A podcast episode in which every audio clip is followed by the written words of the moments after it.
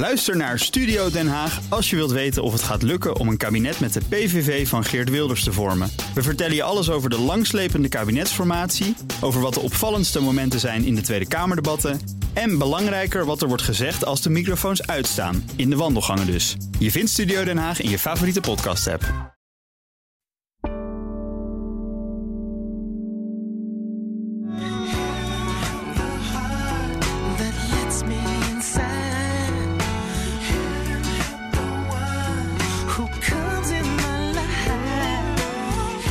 Heaven Help van Lenny Kravitz. Al jarenlang een van mijn lievelingsliedjes. Je hebt zelf ook vast wel zo'n nummer waaraan je hele goede herinneringen hebt, zoals ik bij dit nummer aan een vakantie in Zuid-Frankrijk.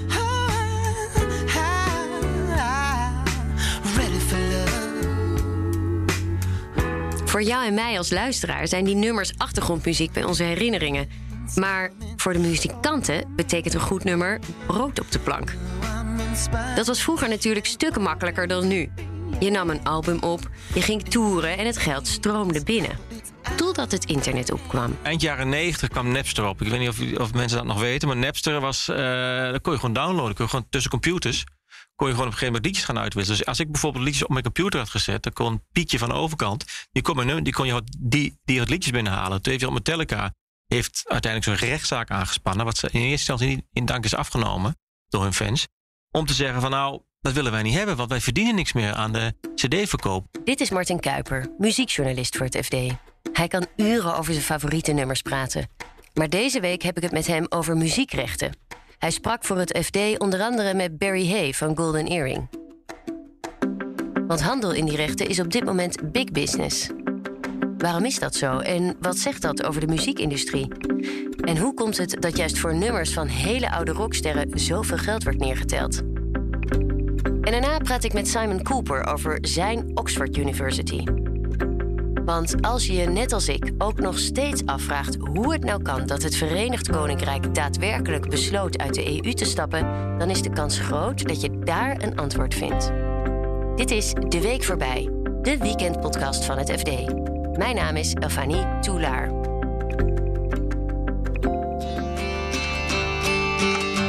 Come gather round people wherever you roam and admit that the waters around you have grown. Een hele reeks aan bekende artiesten verkocht het afgelopen jaar de rechten op hun hits. De trend begon bij Bob Dylan, die een deal sloot van 300 miljoen dollar. Daarna volgden onder andere Bruce Springsteen, Tina Turner, Sting en de Red Hot Chili Peppers. Maar er zijn er nog veel meer.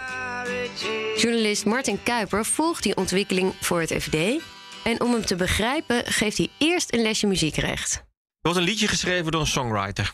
Daar heb je rechten op. Dat is de songwriting. Dat is gewoon puur hetgene, het creatieve werk.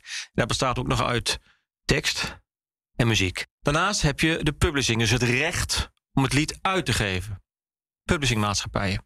Dat, dat, dat zijn vaak niet de artiesten zelf. Dat zijn gewoon externe partijen. Maar tegenwoordig zie je dat veel artiesten het ook zelf een eigen publishingmaatschappij hebben. Maar dat is van vroeger uit veel meer extern. En daar zaten natuurlijk de mensen die heel veel geld verdienden.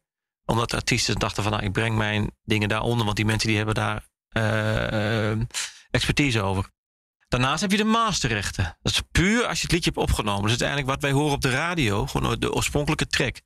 Daar heb je ook rechten over en daar kun je ook geld aan verdienen.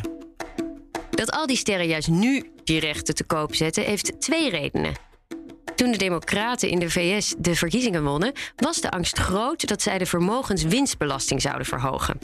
En wat nog veel belangrijker is, muziek werd na jaren weer gezien als een stabiele investering. Maar Spotify heeft eigenlijk ervoor gezorgd, hoewel er ook heel veel haken en ogen aan zitten, Spotify heeft ervoor gezorgd dat mensen weer muziek luisteren. Meer, of tenminste dat er weer een verdienmodel zit in muziek. Mensen hebben altijd wel muziek geluisterd. Gewoon met elkaar gewoon uh, dingen gewoon delen. Maar ja, daar verdienen de artiesten niks aan. En door Spotify uiteindelijk verdienen de artiesten weer wat aan. En nu uiteindelijk blijkt gewoon dat de muziekindustrie na jaren van neergang eh, financieel gezien weer de laatste jaren gezond is. Waardoor uh, financieringsmaatschappijen ze nu zien van hé, hey, dit zijn wel interessante investeringen. Bepaalde liedjes die zodanig in het geheugen zijn gegrift van, van generaties, die blijven gewoon geld opleveren. Dus nu is het weer een stabiele investering geworden. Muziek is nu weer stabiel qua verdienmodel. Muzikanten stonden in het begin nogal sceptisch tegenover Spotify. Want Hoeveel kun je nou echt verdienen aan één stream? Maar toch bleek het te werken. In ieder geval voor de bekende artiesten. Dat zien ook de mensen die handelen in muziekrechten. Ik heb met André eraf gesproken. Hij gaf aan dat uiteindelijk, als hij kijkt naar een, een, een oeuvre om te kopen, dan kijkt hij gewoon naar de waardevastheid. Dus uiteindelijk wat ze dan gaan doen, is dat ze vijf of tien jaar terugkijken. Kijken van nou, wat is ongeveer het gemiddelde geweest? Um, en het gemiddelde aantal streams? nou, het gemiddelde inkomsten. Dat heb je dus meer aan. Je hebt streams, inkomsten, je hebt radio-inkomsten, je hebt reclame-inkomsten, je hebt misschien andere sponsordeals die je maakt. Um, streaming praten we nu heel veel over. Is ook heel belangrijk. Maar radio verdien je als artiest eigenlijk nog in ieder geval per gedraaide track nog meer aan. Ja, wat uh, heel even tussendoor. Wat schrijft dat uh, liedje op de radio, ja. liedje op Spotify? Uh, ja, Spotify zegt dat ze 0,0034 cent per stream uitkeren. nou, ik heb het uiteindelijk met Ernst Jans van, uh, van Doe Maar... hebben we uiteindelijk berekend dat het toch een gedeeld door vijf moet... als hij kijkt naar wat hij voor de bom heeft verdiend. En radio is, is 5 cent uh, per seconde. Dus als jij een liedje gedraaid krijgt op de radio, dan reken maar uit, heb je een liedje van 2, 3 minuten. Zo, dus, dat tikt wel aan, ja. Ja, radio tikt aan. En, net zoals met de reclamedeals. Kijk, als jij één keer een goede reclamedeal maakt. Ik bedoel, Radar Love, wat op een gegeven moment ook een stuk beschreven staat. Van, je had van Barry Hay.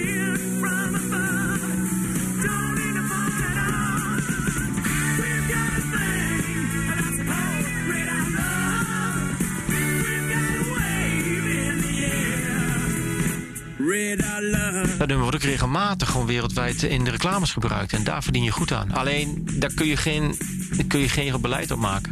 Dus wat mensen luisteren. Om nou op terug te komen, wat zij dus... Ze rekenen gewoon uiteindelijk je omzet, wat je, wat je uit het nummer hebt gehaald. Dat is dus streaming, uh, radio draaien, uh, sponsordeals eventueel. En dan gooien ze dan een, een, een, een zoals men dat noemt, een multiplier tegenaan. En wat hij zei bijvoorbeeld, beginnende artiest, als jij net een hit hebt gescoord, nou is die multiplier misschien 8 of 9 of 5 of noem maar op wat jij zelf denkt, hoe lang die hit relevant blijft.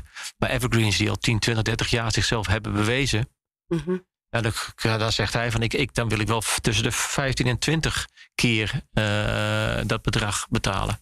Maar dan moet je als, doe maar, als je dat wil verkopen, moet je wel uh, je, je liedje vrijgeven. Dat moet je als artiest dus wel willen. Ja, en Ernst Jans heeft dus gezegd, bijvoorbeeld De Bom, nou, het, is een protestlied. Laat maar vallen, dan het komt er toch wel van. Het geeft hier of je rent. Ik heb jou nooit gekend, wil weten wie jij bent, wil weten wie jij bent. Kernbommen, uh, van mij 1984 uit mijn hoofd. Ja, um, ja. valt nooit. Nee, nou ja, we gaan het zien. Maar... Um, ja, hij geeft aan van ik, ik wil eigenlijk niet dat mijn nummers uh, voor dergelijke voor reclameuitingen worden gebruikt. Nou ja, wat doet dat met je onderhandelingspositie als jij zegt van je mag mijn nummers kopen, maar mag alleen op Spotify en niet gelinkt worden aan iets anders. Ja, dan zijn, dan zijn investeringsmaatschappijen minder geneigd om een hoger bedrag neer te leggen. Als ze zeggen, joh, je mag alles meer doen wat je wil. En misschien lijkt het dus veel om honderden miljoenen te betalen voor de muziek van één artiest. Maar vergelijk het eens met kunst. Ook daar zijn mensen bereid om enorme bedragen voor neer te tellen. Allemaal met een duidelijke reden. Het blijkt gewoon waardevast, want de Beatles hebben zich nu ook weer bewezen vorig jaar met die Get Back film. Uiteindelijk, als, zij iets doen, daar is ook een, een schare fans voor. En ook uiteindelijk de jongere generatie. En waarom doen platenlabels het niet zelf?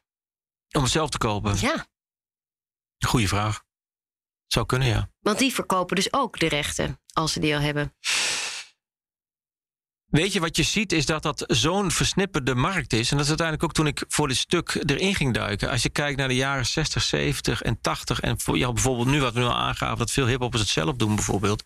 Dat was toen helemaal geen gemeengoed. Toen was het uiteindelijk, je mocht blij zijn als je bij een platenmaatschappij kwam. Eigenlijk alle rechten. Er zit een heel mooi stuk in, um, in die Get Back documentaire. Op een gegeven moment wat er, zegt John Lennon of zo. Ja, wie, wie gaat hier aan verdienen? Begrijp je? En zegt Paul McCartney, zegt Derek Taylor, dat was de baas van de publishingrechten. Paul McCartney had het goed in de gaten. John Lennon wist helemaal niet. Die schreef die liedjes niet daarvan, ik zie mijn geld wel binnenkomen en klaar. En dat is natuurlijk ook een beetje het schizofrene van de muziek eh, in de industrie. Ik zit er ook al 25 jaar in. Dat de mensen die het maken, de creatieve mensen, ja, die zijn helemaal niet meer bezig. Die willen gewoon creëren. Daarnaast heb je gewoon de mensen die denken: hey, hier zit letterlijk muziek in. Ook, uh, en die uiteindelijk, die, die worden er heel rijk van. En je ziet steeds meer vooral naar die straat, streetwise mensen, zoals die hiphoppers. Denken van ja, weet je, dat gaat me niet overkomen. Alleen de vraag is, hoe waardevast is hun werk? Hoe bepaalt dit nou uh, de, de toekomst van die muziekindustrie? Dit is wel de toekomst voor een deel, denk ik. Je zult altijd mensen hebben die zeggen: Ik wil het gewoon zelf beheren. Of zoals de Golden Earring, die gaan het gewoon niet doen. Hebben ze gezegd. Moeten maar zien. in ieder geval, dat staat wel in het stuk. Um, want je komt nu uiteindelijk kom je op een. Zitten op een soort scharnierpunt. Uiteindelijk de popmuziek, Elvis Presley bijvoorbeeld, jaren 50, Beatles jaren 60. Uiteindelijk die eerste generatie, die, de laatsten, die zijn nu 70, 80, 85. die, gaan, die gaan overlijden. Wat gebeurt er dan met die muziek? Dus ja, ik denk uiteindelijk wel bijvoorbeeld van Mick Jagger, die eigenlijk gewoon meer econoom is dan, dan echt uh, rock'n'roll muzikant.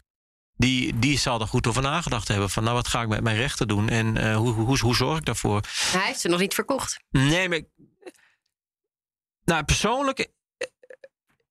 Als je creatief bent, begrijp je, en je maakt dingen.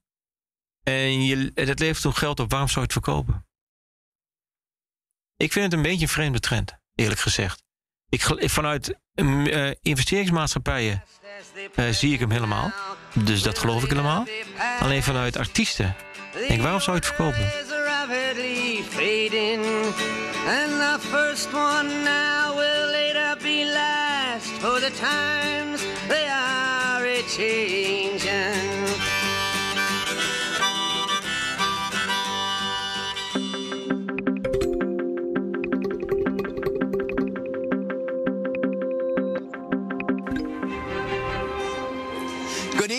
And welcome at the end of this momentous day when each one of us has had the chance to say what kind of country we want to live in. And we'll have the answer to the question that's haunted British politics for so long. Do we want to be in or out of the EU?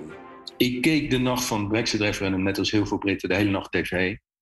In mijn geval met afschuw. Ik was erg tegen de Brexit, nog steeds. Dit is Simon Cooper, journalist bij de Financial Times en schrijver van het boek Chums. Toen hij de volgende uitslag hoorde. This means that the UK has voted to leave the European Union. Kon hij maar aan één ding denken: Oxford, de universiteit waar hij zelf had gestudeerd. Hij herkende iedereen die een rol speelde bij het referendum. Niet omdat ze al maanden het nieuws domineerden, maar omdat zij ook op Oxford hadden gezeten. Sommigen zie ik nog lopen toen ze tiener waren. Want ze zaten allemaal net voor mij uh, of tegelijkertijd met mij op Oxford. Dus ik weet waar ze vandaan komen. Ik weet hoe ze gevormd zijn. Ik weet waar deze Brexit vandaan komt. En dat was voor mij de impuls om het boek te schrijven. Om de wortels van de Brexit te traceren. En de wortels van de huidige heersende kasten van het VK te traceren naar het Oxford van 35 jaar geleden. Met zijn bijna duizend jaar is Oxford een van de oudste universiteiten ter wereld. Samen met de Universiteit van Cambridge is het dé plek waar de Britse elite wordt klaargestoomd voor een glansrijke carrière.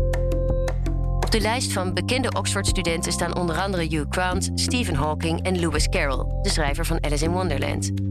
En bijna alle premiers. Sterker nog, van alle naoorlogse premiers gingen er maar vier niet naar deze universiteit. Drie deden geen studie en alleen Gordon Brown van de Labour-partij ging naar een andere universiteit. En mocht je denken, nu Boris Johnson is opgestapt, zal het wel gedaan zijn met de Oxford-elite? Dan heb je het mis. In de lange lijst van mogelijke opvolgers is Oxford gewoon weer oververtegenwoordigd. Toen ik er zat met de, zeg maar, de Britse heersende klasse van nu, bestond de universiteit vooral nou, voor de helft uit uh, privéschool mensen, meerderheid mannen.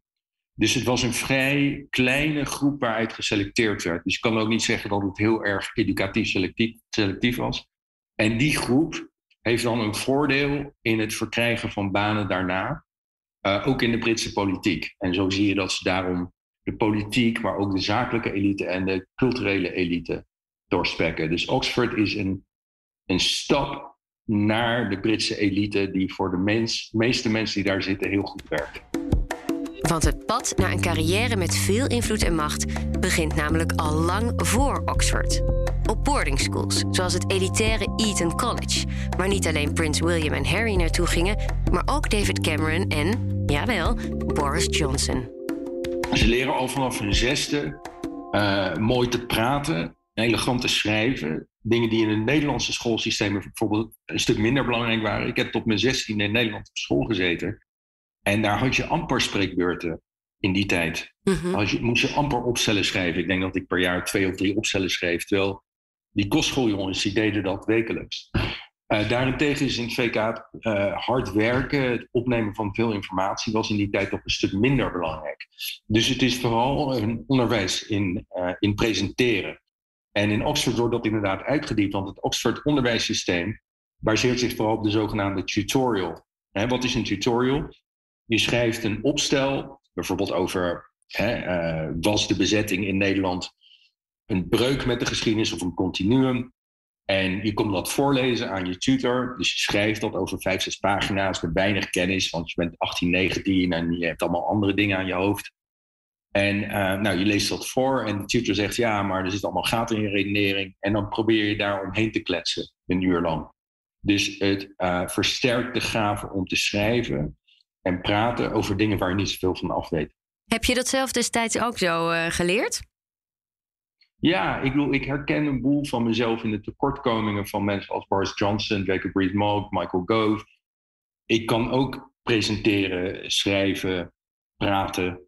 Uh, en als je mij een thema geeft waar ik weinig van af weet, dan kan ik een dag later daar redelijk overtuigend over voordragen. En daarbij ook de, de gaten in mijn kennis uh, verhullen. Dus uh, het is wel een gave die goed van, van pas komt. Want je komt altijd iets beter over dan je eigenlijk bent.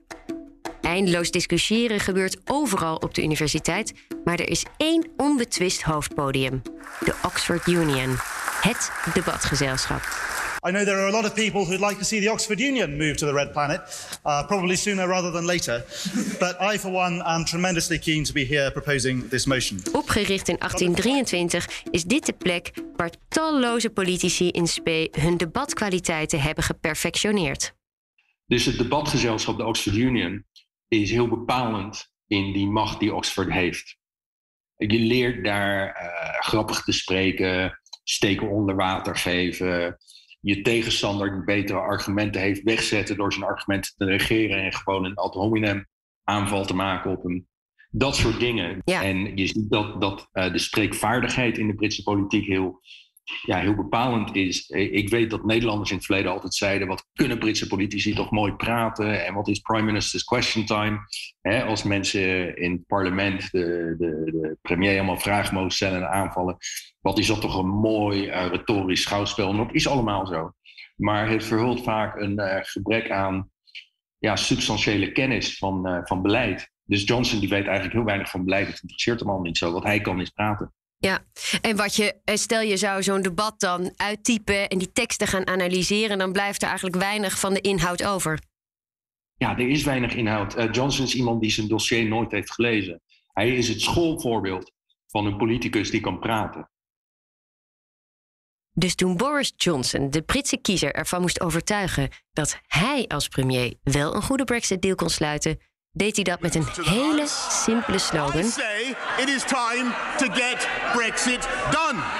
Get Brexit done. Deze jongens die dachten al op hun achttiende van ik ga straks het land regeren. Ik ben een kostschooljongeren, ik studeer op Oxford. Mijn kasten regeert altijd het land. Onze vaders, onze voorvaderen regeerden ook het VK. En dan wil ik ook echt een uh, groots land regeren. En kijk, ze keken terug op het verleden van het imperium, twee wereldoorlogen gewonnen, allemaal uh, mensen uit hun kasten die uh, ja, wereldberoemd zijn. Het schrijven van Peter Pan en Alice in Wonderland in 1984. Die de televisie hebben uitgevonden, de computer en de atoombom mede hebben uitgevonden. Dus echt een wereldbepalende kasten van kostschooljongens die Oxford en Cambridge hebben gedaan. En ze denken, nou, nu in het heden zijn we gewoon een lid van de EU. Dat stelt allemaal niet zoveel voor. Er is weinig glamour in willen terug naar dat glorieuze verleden. En wat ook meespeelt, ze gaan denken, nou, wij gaan het land regeren. Dus die bureaucraten in Brussel, die moeten ophoepelen met hun regelgeving. Want dat is voor ons, dat doet onze kasten. Dus ze hebben een soort rivaliteit met Brussel, van wie mag het VK regeren. Dus daar komt die impuls, denk ik, vandaan. Uh, nostalgie voor de verloren grootheid van het VK. En dan een, gevoel van uh, Brussel moet met zijn fikken van onze macht afblijven, onze persoonlijke macht. De jongens waren gewend om alles naar hun hand te zetten. Dus toen iedereen tijdens de coronacrisis thuis moest blijven, vierde Boris Johnson gewoon feestjes. Dat had hij immers altijd al gedaan. Johnson en Cameron waren op Oxford allebei lid van de hele kleine Bullingdon Club. Had iets van 12 of 15 leden, allemaal mannen. Uh, het was een soort uh, luidruchtige dinerclub. En die trokken dan door de stad en uh, gooiden restaurants kapot, trokken de broek uit van voorbijgangers. En als, dan, als mensen dan boos werden, dan gaven ze gewoon geld. Van hier heb je 50 pond, nu ophoppelen. En de, ja, de uitstraling van de Bowling Club is... de regels gelden niet voor mensen als wij. Wij mogen doen wat we willen. En je ziet die reactie terug in Partygate. Dat Johnson denkt, ja, hè, die, de gewone man en gewone vrouw moet zich aan de COVID-regels houden. Maar ik natuurlijk niet. Ik ben een Etonian. Ik, ik was president van de Oxford Union. Ik schrijf de regels. En de Britse kiezer? Die lijkt voorlopig nog niet af te rekenen met de Johnsons van deze wereld. De meest kansrijke kandidaten studeerden gewoon weer aan diezelfde Oxford University. Ja, maar blijkbaar de Britse kiezer die houdt ook nog wel van die Oxford-elite. Ja, het gekke is, veel Britse kiezers denken... zo'n Etonian als Cameron of Boris Johnson... die horen de macht te hebben. Dat, dat zit natuurlijk in het Britse klassebewustzijn. Het idee van een uh, chique man die op Oxford heeft gezeten... die hoort eigenlijk premier te zijn. Het is een hele rare uh, ja, onderbewustzijn. Als je dan uiteindelijk een diverser bestuur wel wilt in Groot-Brittannië... moet Oxford dan diversificeren of moet toch eerst de politiek diverser worden? Ja, allebei. Maar Oxford is wel de belangrijkste pijplijn. Ik stel in het boek ook voor dat je intelligente mensen uit de hele bevolking eruit pikt en zegt van jij hebt niet gestudeerd of uh, jij hebt niet op de universiteit gestudeerd wat je wilde. Je komt uit een lagere sociale klasse, maar jij bent heel slim. Jij komt een jaar naar Oxford of jij komt een half jaar naar Oxford. En dan, ja, dan, dan laat je het hele land zeg maar, mee profiteren met de van de kwaliteiten van Oxford en Cambridge. In plaats van een kleine kasten. Dit was hem voor deze week. Dankjewel voor het luisteren naar De Week Voorbij. Volgende week vertellen we je sowieso over Disney. Het bedrijf dat in hoog oplopend conflict is beland met gouverneur Ron DeSantis van Florida. Redactie en montage van deze podcast wordt gedaan door Yildau Bijboer en de muziek komt van Visionair Ordinaire. Als je dit leuk vindt, abonneer je dan op deze podcast. Dan staan we elk weekend voor je klaar.